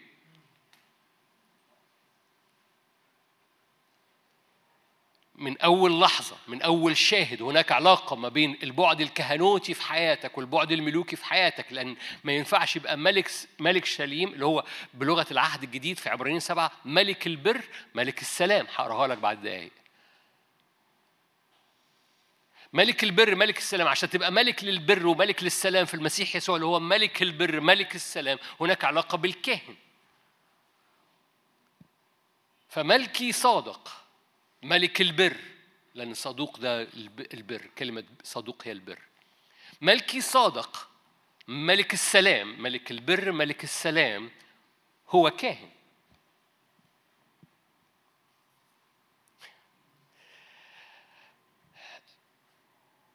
هناك علاقة ما بين الكاهن فيك والملك فيك. لو فصلت الكاهن لو فصلت الكاهن عمرك ما بتعرف تبقى ملك. أول مرة ذكر فيها كاهن هي مربوطة بملك البر ملك السلام. فدي أول بعد أول بعد إن في أوضتك أنا هتكلم عملي لمدة دقيقتين وبصورة حرفية شوية. أول بعد كل مرة بتقف قدام الرب. إن كان في أوضتك وجاء وقت بقى تتنقل كأني هقول جمل كل جاء وقت جاء وقت ما تاخدش خلوتك. جاء وقت تخدم الرب في وقتك في أوضتك وتقف تكهن. ومعلش بستأذن حضرتك بقول تقف. زي ما يكون في في شكل جديد لازم خلوتك اللي هي مش خلوتك خدمتك قدام الرب يبقى ليها شكل في الأوضة. فسامحني في تعبير تقف بس أنا قاصده. تقف ككاهن قدام الرب. لأنك مش كاهن بس هو كاهن لله العلي. هذا التعبير تعبير أنتوا كلكم عارفينه وده أول مرة يذكر في كتاب مقدس في هذا الشاهد الإليون الرب العلي. لما قال ملكي صادق وهو بيبارك وهو بيبارك إبرام إيه 19 باركه وقال مبارك إبرام من الله العلي إيه؟ مالك السماوات والأرض. لما تقرأ كلمة مالك دي العربي مترجمها مالك هي هي هي خالق هي اوثر هو منه خرج السماء والأرض. فهي هي أكتر من مالك. هو الخالق هو اللي السماء والأرض متشالة في حضوره وهو ده أول كهنوت في الكتاب المقدس هو الكهنوت لهذا الاسم. الاليون ال يعني الرب العلي. العلي ده اللي هو منه السماء والأرض متشالة خرجت ومحفوظة ومتشالة فهو متسلط هو مالك السماوات والأرض. Are you here؟ في العهد الجديد وكلكم المفروض عارفين هذا الشاهد لأني قلت عملت مؤتمرات عليه حصل تغير في الكهنوت. من كهنوت هارون المحور الخطية إلى كهنوت ملكي صادق. ده مش خادم اللي بيقول ده عبرانيين سبعة اللي بيقول. حصل تغير في الكهنوت. كهنوت العهد الجديد بتاعك بعد يسوع المسيح مش كهنوت هارون. تقولي إيه الفرق ما بين كهنوت هارون؟ يعني إيه كهنوت هارون؟ أقول لك كهنوت هارون هو الخطية وفدى الخطية. تقولي ده حلو قوي. أقول لك ممتاز ما دي أساس بس ده مش هو مش مش العهد الجديد. ياما ناس واقفة في العهد القديم لسه. عايشين إن في الخطية وكهنوت الخطية فالدم يغفر الخطية وده رائع وده أساس. عشان كده ما زال العهد القديم القديم في كتاب مقدس. حد جاله خبر عن العهد القديم في كتاب مقدس؟ بدون سفك دم لا تحدث مغفرة بس الدم مختلف في العهد الجديد دم بار. بس هذا الدم دم البار دم يسوع المسيح فتح الباب لدخول إلى حالة لم يستطيع دم التيوس إنه يدخلونا ليها. دم تيوس كانت بتعمل كفارة كانت بتعمل كفارة. بس دم يسوع المسيح كفاره لخطايانا عشان ندخل. على حساب هذا الدم إلى أراضي لم ندخلها من قبل حصل تغير في الكهنوت. كهنوت هارون كان بيبقى واقف بره بيقدم ذبيحة على حساب بلغة العهد الجديد على حساب ذبيحة يسوع. بس في العهد الجديد ذبيحة يسوع دي دخلتنا الحتة اسمها ملكي صادق. أنا عارف أوكي مش عايز أسبق نفسي. خلينا نرجع مرة تاني. في هذا المكان هو دخول ليه؟ لأن الرب العالي ده هو خالق السماء والأرض متسلط على كل حاجة. هذا الكهنوت الكهنوت بتاع العهد الجديد اتنقل لكهنوت ملكي صادق مش كهنوت هارون. أقرأ لك الآيات أنا آسف. أقرأ لك الآيات. عبرانيين سبعة. أنتوا جمال وإبليس تحت الأقدام. عبرانيين سبعة. عبرانيين سبعة. آية 11 لو بالكهنوت اللاوي كمال. ده كهنوت هارون، إيه كهنوت هارون؟ احتياطي لو أنت مش واخد بالك. كهنوت هارون هو كهنوت الخطية، يعني إيه كهنوت الخطية؟ يعني الخطية مشكلة. عايزين دم يغفر الخطية فنجيب دم. محور هذا الكهنوت هو الخطية. محور كهنوت العهد الجديد هو الملك مش الخطية. ولان المحور كهنوت العهد الجديد هو الملك والخطية في بت بتغسلها بدم يسوع. بتتطهر بدم يسوع. حد فاهم حاجة؟ فالخطية في سكة دخولك إلى ميراثك فبتدوس عليها بتعترف بخطيتك وبتتغسل بدم يسوع المسيح بس ما بتقفش هنا ليه؟ أنت داخل إلى ميراث.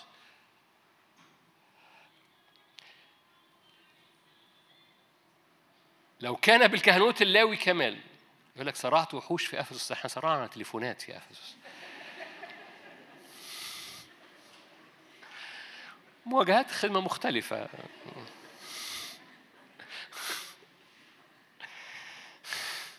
لو كان ب... لو كان بالكهنوت اللاوي كمال إذا الشعب أخذ الناموس عليه لم تكن الحاجة إلى أن يقوم كاهن آخر. إذا الكهنوت اتغير. على رتبة ملكي صادق ولا يقال على رتبة هارون. حصل تغير من كهنوت هارون. بعضكم ما كانش مصدقني غير لما يقرأ الآية. كاهن آخر على رتبة ملكي صادق.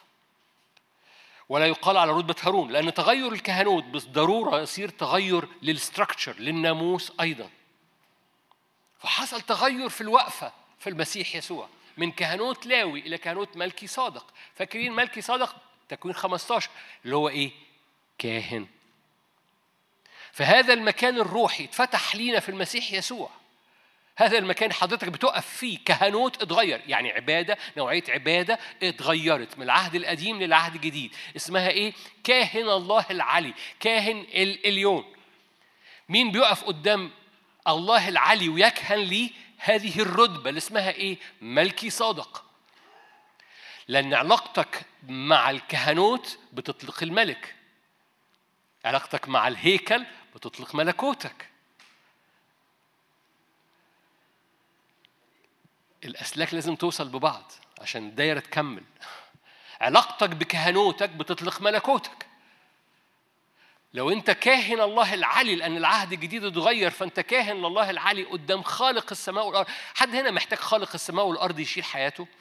حد هنا محتاج يقف قدام ملوك عظام فأنت محتاج الاليون الرب العلي عشان تقف قدام العلي أنت محتاج تبقى ملك ملكي صادق لأن الوحيد اللي بيقف ويكهن قدام الرب العلي هو ملكي صادق عشان كده بتحتاج رتبة الرتبة اللي ليك في المسيح يسوع إنك تقف قدام ملك البر ملك السلام ليه؟ لأنك بتكهن قدام الإليون الرب العلي حولها مرة تاني ما ينفعش تقف قدام الرب العلي إلا لو أنت في رتبة ملكي صادق. رتبة ملكي صادق اتفتحت ليك في المسيح يسوع.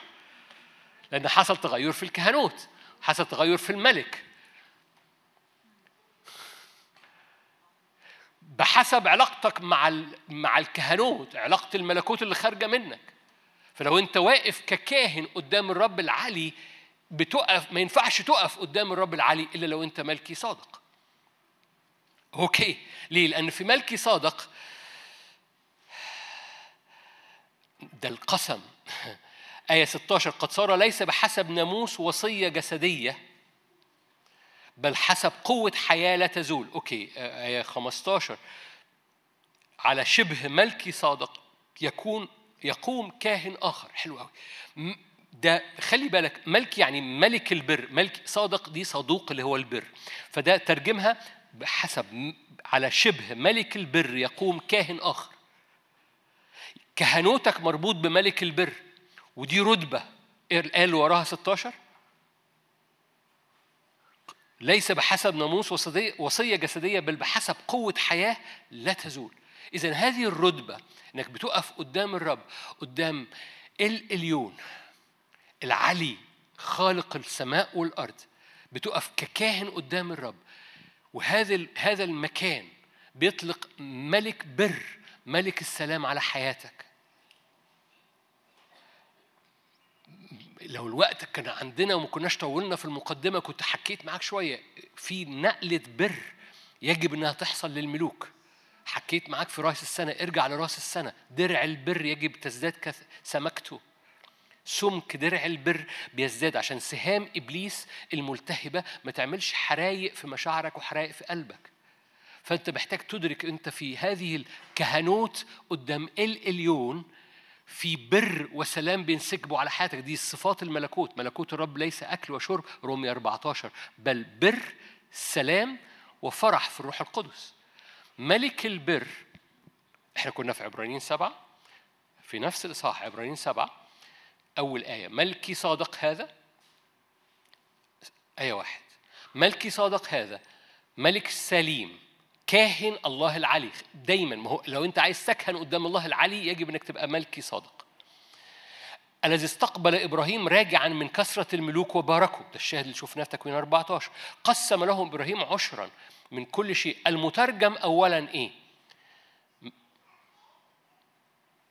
آية اللي وراها حضرتك.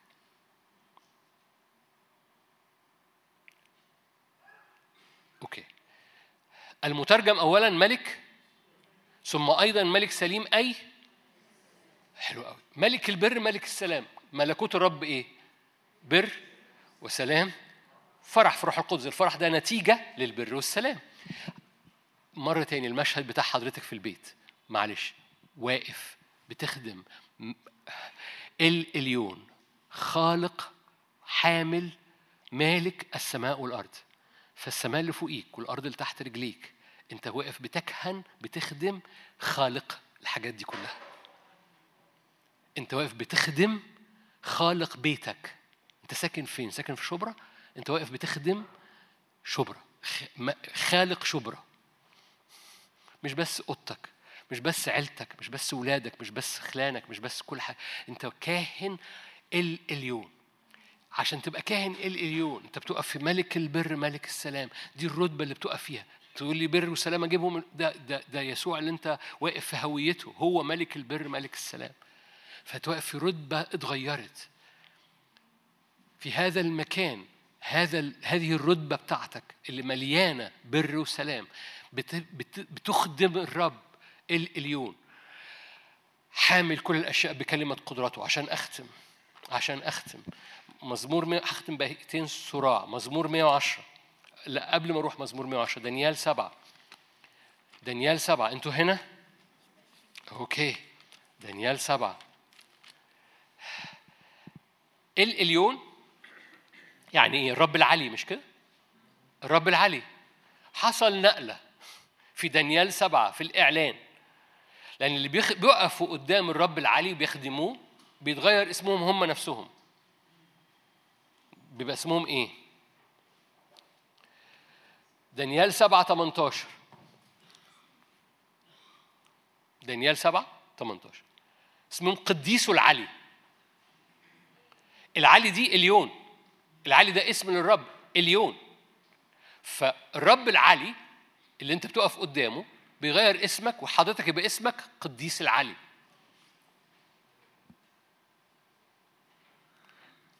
مش مصدقيني. لا مش مصدقين وشكوا بيقول لا. قديس العلي بيعملوا إيه؟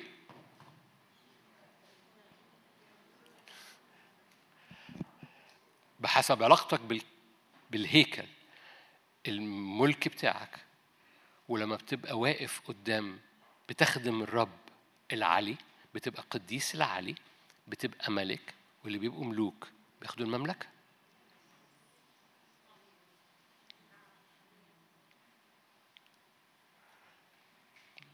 بعضكم لسه مش مصدقني. آية 22 جاء القديم الأيام وأعطي الدين لقديس العلي. تقولي ده إن شاء الله؟ أقول لك آه. بلاش دي. آية 25 ضد المسيح. دي نبوة عن ضد المسيح. تكلم بكلام ده ضد المسيح. ضد مين؟ العلي. يتصور إنه يبلي قديس العلي. ويظن أنه يغير الأوقات والسنة. فيجلس الدين آية 26 وينزعوا عنه سلطانه ضد المسيح ليفنوا ويبيدوا إلى المنتهى. المملكة والسلطان وعظمة المملكة تحت كل السماء تعطى لشعب إيه؟ قديس العلي المملكة بتعطى القديس العلي اللي هم بيخدموا الرب العلي كاهن للرب العلي فهو بقى اسمه ملك ملكي صادق أو رتبة ملكي صادق لأن المملكة بتعطى للي بيخدموا الرب في هذا المكان. أنا بختم دايما بوطي صوتي في الختام مش بعلي صوتي في الختام. مقاصد الرب إن وقفتك في الأوضة تتغير من بتاخد خلوتك إلى إنك واقف بتخدم الرب العلي. هذا المكان وانت بتخدم الرب العلي خالق السماء والأرض بتاعتك. كل حاجة حواليك المملكة بتاعت الرب بتتملي بر وسلام محيط بيك. التشريع بيخرج من هذا المكان. جاء وقت إنك تقف في وسط أوضتك وترفع إيدك للسيد. اعرف إن مفيش حيطان حواليك مفيش سقف فوقيك إنت واقف قدام الرب خالق السماء والأرض الرب العلي ده مكان خاص هذا الاسم لا يذكر في الكتاب المقدس طول الوقت بيذكر في أماكن محددة لها هدف المواجهة مع الأمم والشعوب.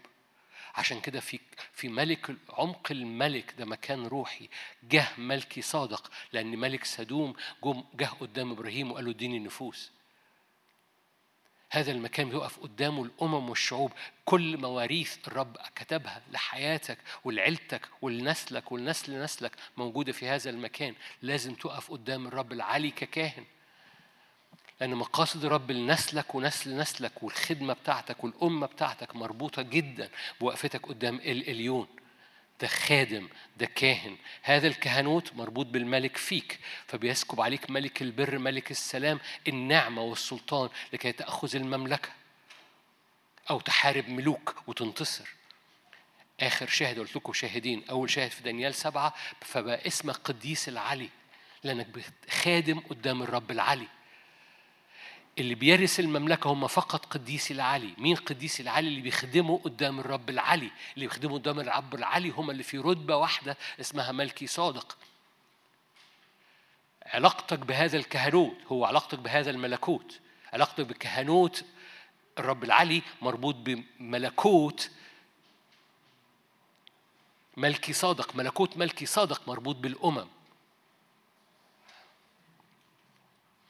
أنا خدتكم على إخوانا يوم الأربعاء. أنا عارف الاجتماع الأربعاء ده منظره اجتماع مؤتمر بس كويس. مزمور 110 مزمور 110 قال الرب لربي اجلس عن يميني حتى أضع أعدائك موطئا لقدميك مزمور 110 شاهد مشهور. عارفينه؟ ساعدوني. اجلس عن يميني حتى أضع أعدائك ده الآب بيكلم الابن. يرسل الرب قضيب عزك من صهيون تسلط في وسط أعدائك. خلي بالك المشهد. شعبك ده إحنا منتدب جاهزين منتدبين مكرسين في يوم قوتك في زينة مقدسة. من رحم الفجر يعني من بداية اليوم من رحم الفجر طل حداثتك ده موجة من من قوة شباب وقوة اقسم الرب ولن يندم. أنتوا هنا؟ أنت كاهن إلى الأبد على رتبة ملكي صادق. خلي بالك ده مش دلوقتي هنطول وقت كده. على رتبة ملكي صادق ده داوود ودي كانت نبوة. أقسم الرب ولن يندم. أنت كاهن الأبد على رتبة ملك صادق. الكاهن والملك مربوطين ببعض. الرب عن يمينك يحطم في يوم رجزهم ملوك. إذا هذا هذا السلطان سلطان ملوكي بيحسم الأمم. يدين به الأمم. يملأ جثثا أرض واسعة. سحق رؤوسها. من النهر تشرب في الطريق. لذلك ترفع الرأس. دي بركات هذه الوقفة ككاهن للرب العالي على رتبة ملكي صادق. مواجهات الأمم تحسمها وتشرب من النهر في الطريق ترفع الرأس. مزمور 110 هو نتيجة وقوفك قدام الإليون ككاهن ووقفتك في هذه الرتبة اللي هي ملك البر ملك السلام. مزمور 110 هو نتيجة وقفتك في هذا المكان. علاقتك بالهيكل هو علاقة الملكوت بتاعتك. علاقتك بكهنوتك كهنوت الهيكل هو قوة الملكوت اللي خارجة منك اللي مربوطة بالأمم ومربوطة بانتصارك في كل مواجهاتك. أشجعك اسمع المشاركة دي مرة تاني. لأنه جاء نقلة جاء نقلة في وقفتك قدام الرب جاء نقلة في خلوتك اللي في الأوضة جاء نقلة في خدمة الرب الإليون اللي بتوقفك في سلطان ملوكي له علاقة بامتلاكات في أرض الموعد اللي أنت داخل لأرضها في الزمن اللي جاي. أمين. خلونا نصلي مع بعض. هنصلي دقايق صغيرة ونخرج طوالي من هذا المكان عشان تأخر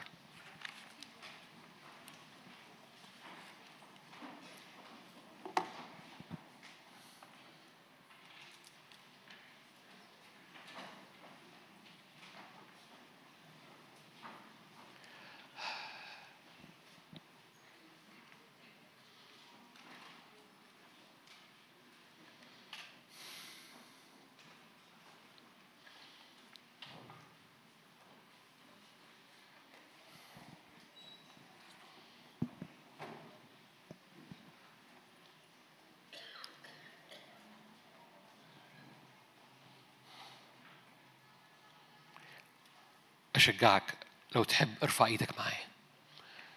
بنخدم الإليون الرب العلي في الدقايق اللي فاضلة من هذا الاجتماع بنخدم الإليون الرب العلي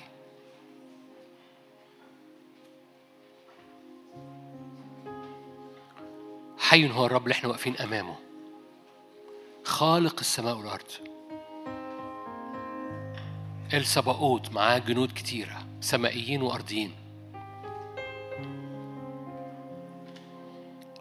هو العلي. متسلط في مملكة الناس.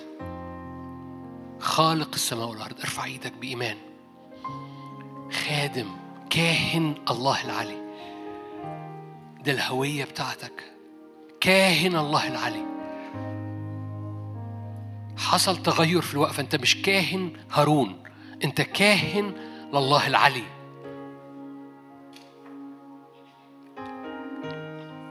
اعرف أنت واقف قدام مين لأن أنت بتقف قدام قدامه بتك بتكهن ليه بتخدمه. إلهك علي. هو الأسمى هو الأعلى هو خالق الكل. براه ما فيش حياة هو خالق السماء والأرض. هو مالك السماء والأرض. هو مصدر السماء والأرض. اليوم. ولأنك واقف قدامه بتخدمه فأنت كاهن الله العلي المتسلط في مملكة الناس. هي. ارفع عينك من نفسك. الكاهن مش مش باصص لنفسه الكاهن باصص للي بيخدمه. اخدم الرب اخدم الرب. اخدم الرب. تقول اخدمه إزاي؟ قلبك حبك عينيك المرفوعة نفسيتك اللي مش محصورة في نفسك. هو هو السنتر هو المركز.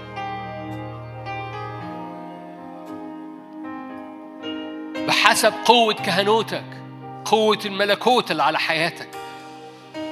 إيه؟ من يفصلك الآن؟ عن العلي عن العلي خالق السماء والأرض حامل كل الأشياء بكلمة قدرته. من يفصلني الآن عن العلي؟ الرب العلي. ردد هذا الاسم جواك من فضلك. ردد هذا الاسم العلي.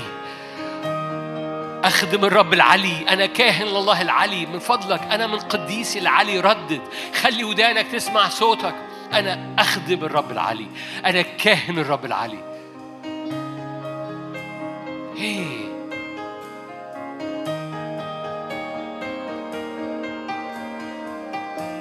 ابويا السماوي أنا بطرد كل صم صم وبكم.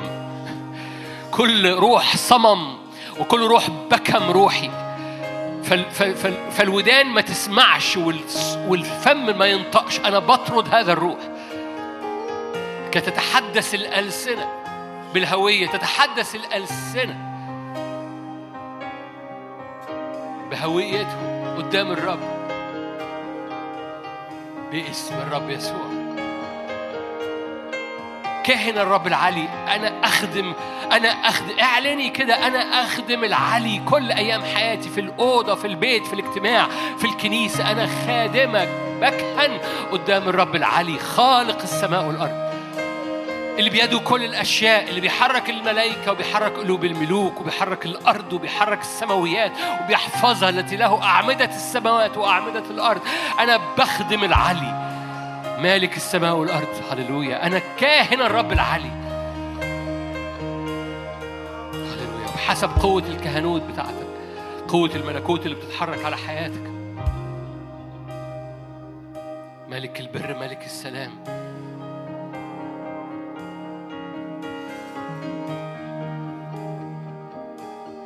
joy.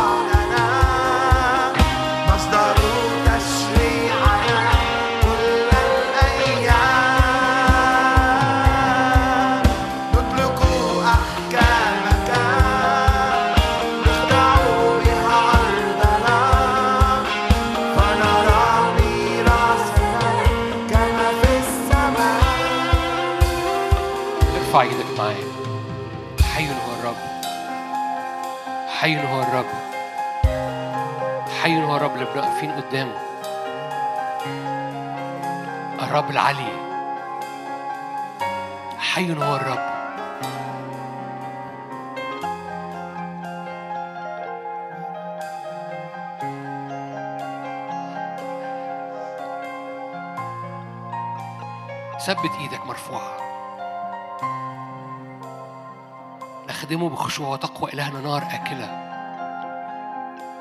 سما فوقيك مفتوحة. هو بيملى المشهد. بحسب قوة هذه الوقفة قوة الملكوت اللي بيتحرك على حياتك. بحسب قوة النار اللي نازلة من الحضور الإلهي. الإليون في العلا أقدر. في العلا أقدر. حسب النار اللي نازلة على حياتك الآن. قوة شفاء قوة بر قوة حضور قوة سلطان قوة استخدام قوة نور قوة بر قوة سلام. لأن ملك البر ملك السلام هو ده المكان بتاع المملكة مملكة البر مملكة السلام. قدام خدمة الرب العلي. العلي متسلط في مملكة الناس. فمن فضلك في اللحظات دي وانت عينيك مرفوعة ادرك انت واقف قدام مين وادرك اللي بيحصل حواليك عن يمين وعن شمال ملائكة الرب تتحرك لتحسم أبواب بيت أبواب أولاد أبواب أزمنة أبواب استخدام أبواب حرية أبواب اتساع. بيسكب مسحة ملوكية فلا تخاف. حارب ملوك كثيرة أياما كثيرة لكن امتلك أرض كلها. لأنه خادم الرب العلي قديس العلي باسم الرب يسوع. أبويا السماوي بشكرك إنك بتطلع. هللويا جيل اسمه قديس العلي. هم دول اللي هيمتلكوا المملكة. قديس العلي يمتلك المملكة. بتطلع جيل اسمه قديس العلي. هللويا. روح الله تعالى اعبر في هذا المكان. وطلع ناس بتعرف تخدمك اليوم طلع ناس بتعرف تقف في البيت وتقف في حياتها. خدام العلي خدام العلي قديس العلي كهنة الرب العلي فبتسكب مملكة البر مملكة السلام عليهم لأنه قديس العلي هم اللي بيمتلكوا المملكة. بيقفوا قدام الأمم والشعوب يشربوا من النهر في الطريق فما يحنوش الرأس أبدا. باسم الرب يسوع. ايا كانت مواجهاتك ثقي أنت واقفة قدام مين؟ أنت واقفة قدام مين؟ ايا كانت مواجهاتك. انت واقفة قدام مين؟ العلي. هللويا. انت واقفة قدام مين؟ انت واقف قدام ايا كانت أسوارك أبوابك. الأبواب الدهرية بتتكسر قدام الرب العلي خالق السماء والأرض. ارتفعت الأبواب الدهرية قدام العلي. انت واقف قدام مين؟ قدام العلي. اليوم قديس العلي هم اللي بيرثوا المملكة لانهم بيبقوا ملوك. يسكب الرب عليهم بر وسلام كمملكه باسم الرب يسوع. هللويا. تتغير الأرض تحت رجليك. اضرب الأرض وقول بر وسلام اضرب أرض بيتك الآن وأنت واقف وقول بر وسلام على أوضتك لو أنت شاب بر وسلام. على بيتك وبيتك بر وسلام. هللويا. باسم الرب يسوع. وروح البيت وقف وسط بيتك وقول بر وسلام ليه لأني بكهن قدام الرب العلي بر وسلام في بيتي. ياه يا روح الله بر وسلام في البيوت بر وسلام على الولاد بر وسلام في أبواب الخدمة بر وسلام فيخرج ملوك ورؤساء راكبون على مركبات وعلى خيل. باسم الرب يسوع. هللويا. فأولادك يطلعوا ملوك. هللويا. وبناتك يطلعوا رؤساء. باسم الرب يسوع. باسم الرب يسوع. وبيتك وخدمتك يتملوا ملوك ورؤساء. مجد الرب يملى مجد الرب يملى مجد الرب يملى مجد الرب يملى لأنك بتقف قدام مين؟ بتقف وترفع إيدك بتكهن لمين؟ هللويا. انه زمن قديس العلي. انه زمن نهضة قديس العلي. نهضة قديس العلي. باسم الرب يسوع باسم الرب يسوع. إلهنا ما هو؟ غنوا للإله رنموا لاسمه إلهنا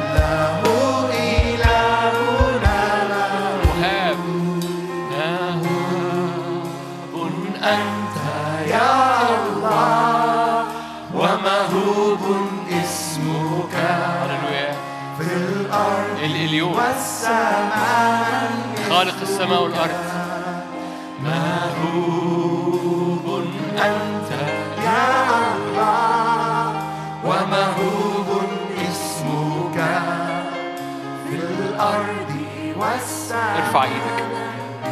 كل ما في السماء وكما كل ما في الأرض ينحني ليك. أنت مهوب اسمك مهوب في السماء وفي الأرض. أنت الاليون خالق السماء والأرض. كل ما في السماء وفي الأرض بيخضع ليك. كل ما في أجوائي وكل ما في أرضي بيخضع ليك. وأنا بخدمك. هللويا. خلي دي كلامك أنت مش كلامي أنا. ما تسمعنيش فقط. قول له كده كل ما في أجوائي وكل ما في أرضي خاضع ليك أنت خالق سمائي وخالق أرضي وأنا بخدمك.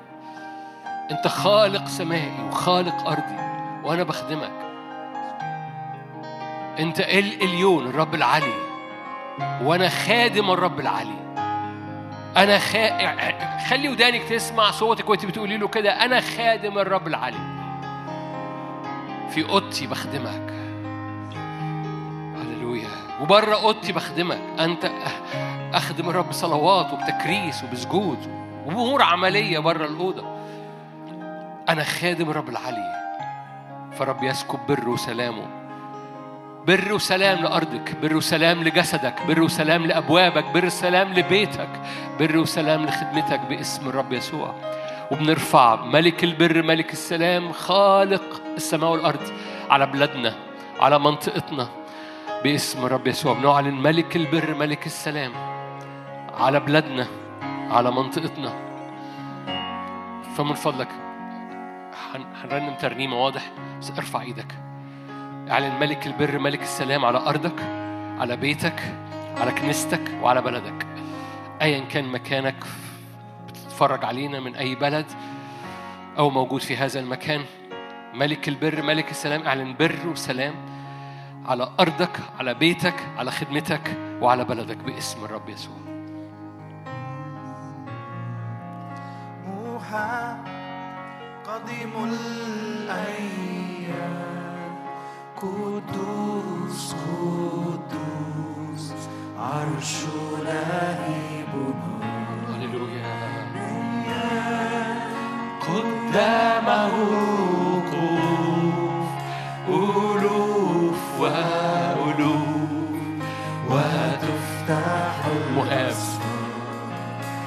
مهاب قديم الأيام. قدوس قدوس عرش لهيبنا. ديان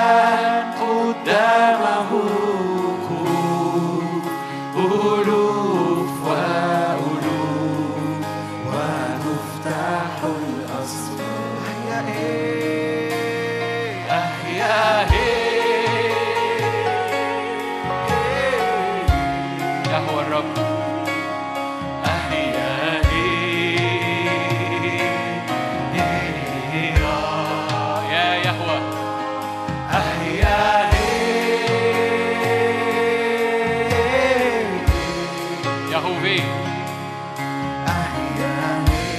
يهوفي مهاب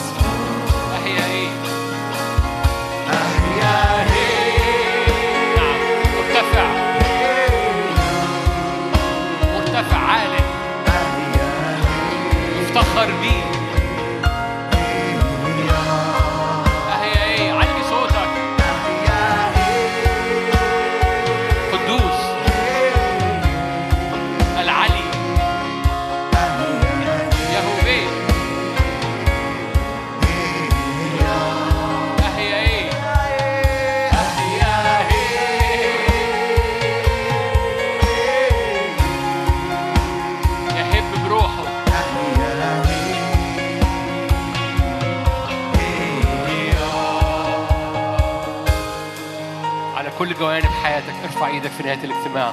على كل جوانب حياتك من كل جهة من كل جهة أربع جهات حياتك أربع أطراف أرضك. مفيش أطراف أخرى في أربع أطراف. من كل جهة من كل جهة على كل جهات حياتك.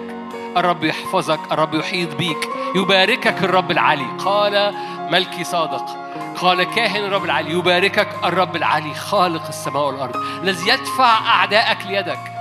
ارفع إيدك واستقبل هذه البركة من من ملك البر ملك السلام يسوع. يملأ أرضك بر وسلام. ويقول لك كده يباركك الرب العلي. يباركك الاليون يباركك الرب العلي خالق السماء والأرض. يحفظ أطراف أرضك وأطراف أجواءك. يهوفي يهوى الرب من كل جهة من أربع جهات يباركك الرب العلي. خالق السماء والأرض. مبارك الرب الذي يدفع أعدائك بعيدا عن أرضك. هللويا. يدفع أعدائك تحت قدميك. يدفع أعدائك بعيدا عن أرضك. فتمتلك كل ميراثك. مبارك الرب العلي مبارك الرب العلي خالق السماء والأرض الذي يدفع كل أعدائك تحت قدميك. فترث كل موارثك. ترث كل مواريثك باسم الرب يسوع. مجدا للرب. نعم قدم تسقيفك للرب الآن. قدم تسقيفك للرب. عظموا عظموا العلي العلي العلي علي. عظم الرب العلي عظم الرب العلي. الرب العلي خالق السماء والأرض. قديسو العلي يخدمون الرب العلي. هللويا باسم الرب يسوع باسم الرب يسوع. محبة الرب الآب. نعمة ربنا يسوع شركة وعطية الروح القدس تكون معكم تدوم فيكم من الآن وإلى الأبد. آمين.